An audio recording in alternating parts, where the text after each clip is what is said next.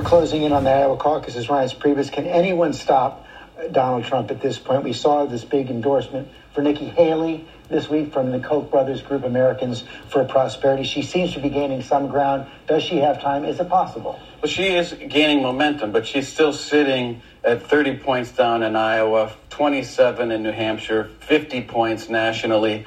If Donald Trump's people could map out how this race was going to go, that as someone is getting consolidation, uh, Nikki Haley, then the governor of Iowa would then endorse Ron DeSantis, and then Bob Vanderplatz would endorse Ron DeSantis, and then the Koch brothers would now say, we're going to put money behind Nikki Haley. In a primary, to keep in mind, this is a primary in the Republican Party where generally plurality wins every delegate, generally, there, there's exceptions. Right.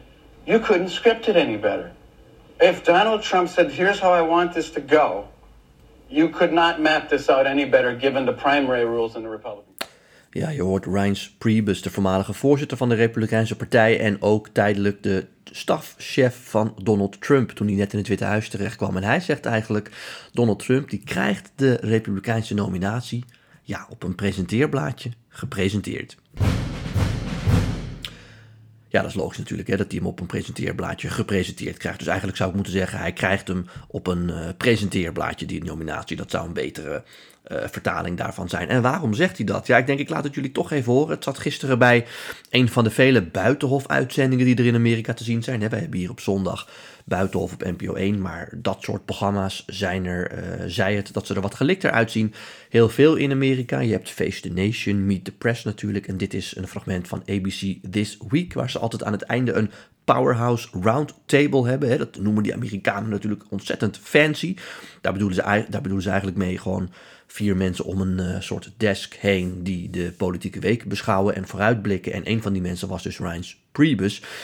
En die zegt daar wat belangrijks. Want er is natuurlijk de afgelopen maanden heel veel aandacht geweest voor Ron DeSantis. Uh, er is ook veel aandacht mede door uh, mij, of bij mij in ieder geval, in de podcast hier en in uitzendingen geweest voor Chris Christie. En er is de laatste dagen weer heel veel aandacht voor Nikki Haley. Ik heb daar ook afgelopen vrijdag bij Vandaag in Site het een en ander over gezegd. En ja, Ehm, deze uh, meneer Ryan Priebus die zet ons eigenlijk weer met beide beentjes op de grond. Hè. Met ons bedoel ik de mensen die dan uh, af en toe speculeren over misschien toch wel een spannende strijd om die republikeinse nominatie. Want hij zegt en dat klopt ook. Ja, als Donald Trump dit vooraf zou uittekenen, van hoe zou ik ongeveer willen dat uh, deze strijd zou verlopen, zodat ik daar het best uitkom, ja, dan teken je dat ongeveer zo uit. Heel veel kandidaten uh, die nog steeds in de race uh, zijn, vervolgens de steun onder die kandidaten die verdeeld wordt. Hè, een paar belangrijke republikeinse strategen die dan zich achter Ron DeSantis scharen, de gouverneur van Iowa, een belangrijke gouverneur daar, die zich achter Ron DeSantis schaart. Vervolgens eh, een, een, een, een, eh, een belangrijke ehm, eh, stichting hè, van de Koch brothers die zich achter Nikki Haley schaart. een conservatief netwerk is dat, wat altijd de Republikeinen probeert gekozen te krijgen. Vervolgens Chris Christie, die zegt: Ik blijf er sowieso in tot en met de conventie in augustus. En Vivek Ramaswamy die er eigenlijk alleen maar zit om Trump op te hemelen. En ja, eh, als je dat doet, eh, dan zul je ook voor Trump als kandidaat weer zijn. En des te langer hij erin blijft en daar eh, wat stemmen uit weet te halen, des te groter de kans dat hij ook stemmen van mogelijke tegenstanders pakt van Trump. Dus daardoor helpt hij ook Trump. Dus die blijft ook in de race. Dus ja, ehm, eh, we kunnen er heel veel over praten. En ik heb vorige keer nog een podcast gewijd aan het feit hè, dat die kleine staten, er kwamen ook veel vragen van jullie over binnen hoe die voorverkiezingen precies werken. Ja, dat die kleine staten zometeen een domino-effect kunnen hebben. Uh, er werd gisteren ook bij ABC This Week goed uitgelegd dat Ron DeSantis ontzettend veel tijd heeft besteed in de eerste staat waar de voorverkiezingen zijn, in Iowa. Uh, daar heeft hij alle 99 counties bezocht. De 99ste tikte hij afgelopen weekend aan.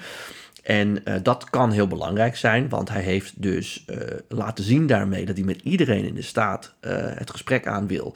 Dat hij er ontzettend veel moeite in heeft gestoken. En het zegt dus ook iets over zijn goede organisatie in die staat.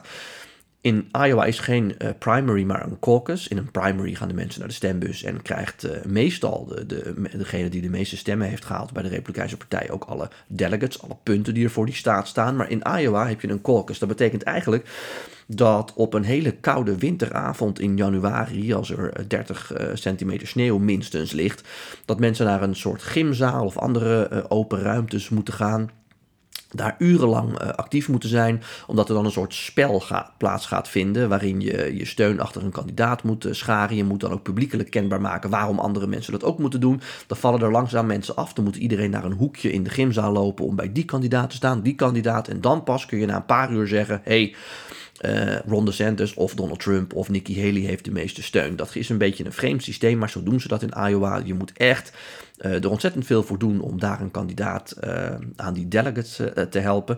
En dus kan het best zo zijn dat Ron DeSantis daar goed uitkomt. Maar dat zegt niet heel veel. Ook in 2016 verloor Donald Trump Iowa aan Ted Cruz. Ook iemand die ontzettend veel tijd daarin had gestoken en heel goed georganiseerd was.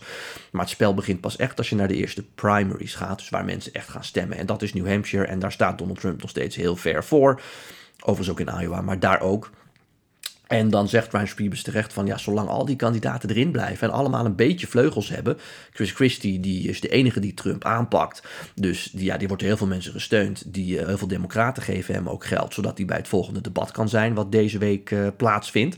Nikki Haley, uh, daar hebben we het ook bij VI en zojuist over gehad. Die heeft heel veel steun nu van een belangrijk netwerk van de Koch brothers, multimiljonairs die een stichting hebben opgericht om republikeinse kandidaten te helpen. En die belangrijke steunbetuiging van de gouverneur van Iowa, die ging dan de kant op van uh, Ron DeSantis. Nou, Vivek Ramaswamy, die heeft een heel spelletje op sociale media waar hij vooral veel steun uit haalt. En ja, zo, zo blijven al die kandidaten in de race en ontstaat er niet wat wel nodig is. Namelijk dat er één kandidaat overblijft en heel snel ook om Donald Trump uh, aan te pakken. Uh, Ron DeSantis was op Face the Nation bij CBS uh, gisteren. Werd daar ook gevraagd nee, trouwens, hij was bij Meet the Press. Sorry, hij was bij Meet the Press op NBC.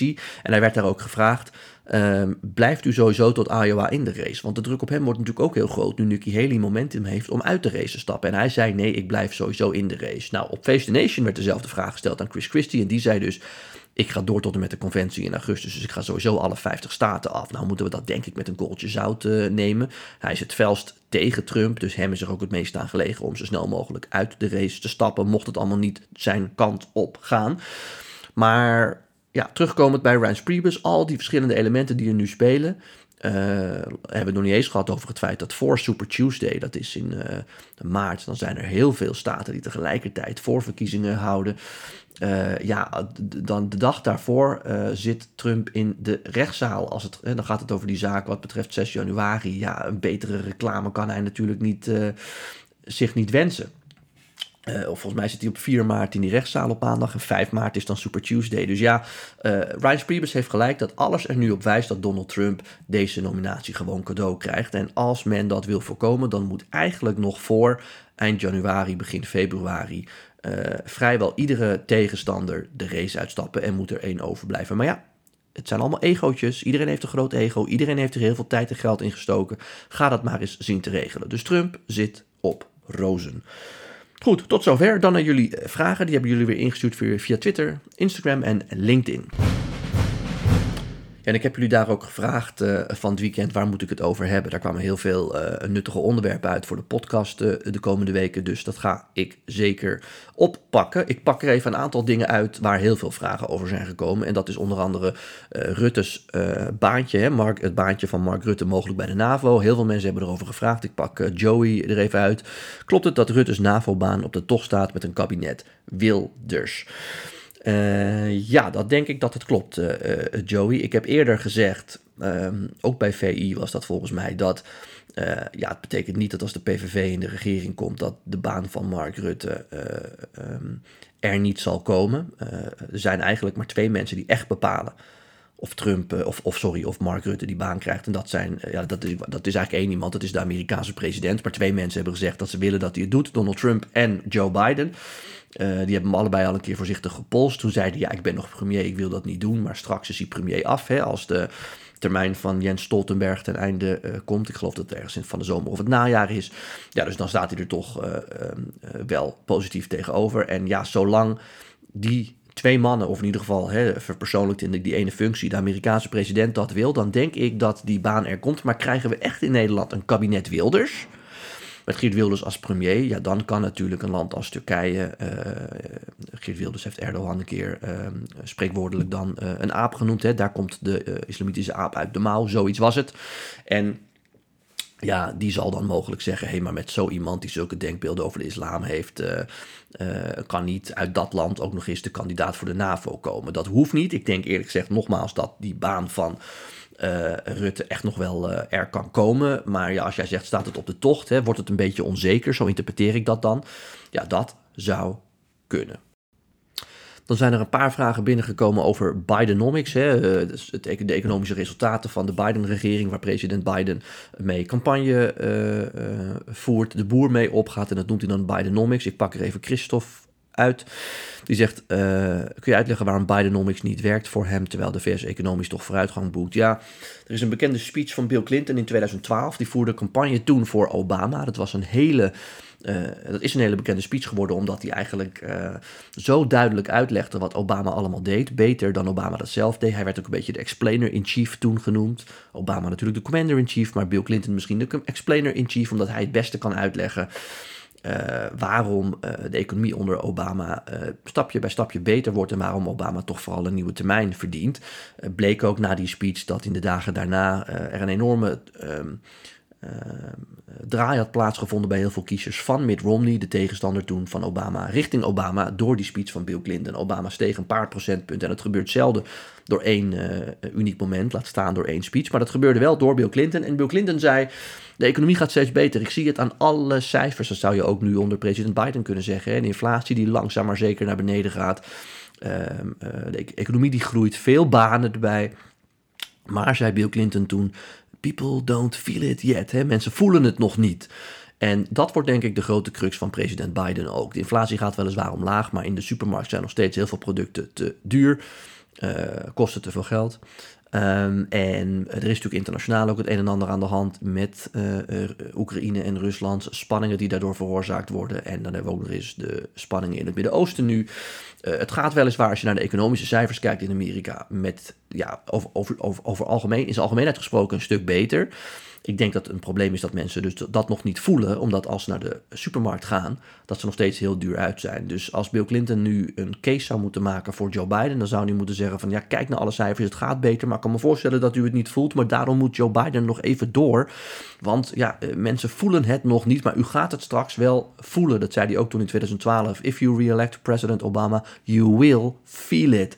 Ja, en die... Uh, uh, die case moet Joe Biden ook maken. En dat is natuurlijk erg lastig tegen iemand die heel veel kiezers al kennen, namelijk Donald Trump. En waarvan ook heel veel kiezers fijne herinneringen hebben als het de economie uh, aangaat. Toen uh, Trump president was, zeiden heel veel mensen: ja, ik ben het helemaal niet eens met alle dingen die hij zegt en doet, maar de economie die is toch wel fantastisch. En dat kwam natuurlijk ook omdat Trump elke dag zei dat de economie fantastisch was. Als de economie maar met 0,0001% steeg, dan zei Trump al van en het gaat fantastisch. En kijk eens even naar deze cijfers.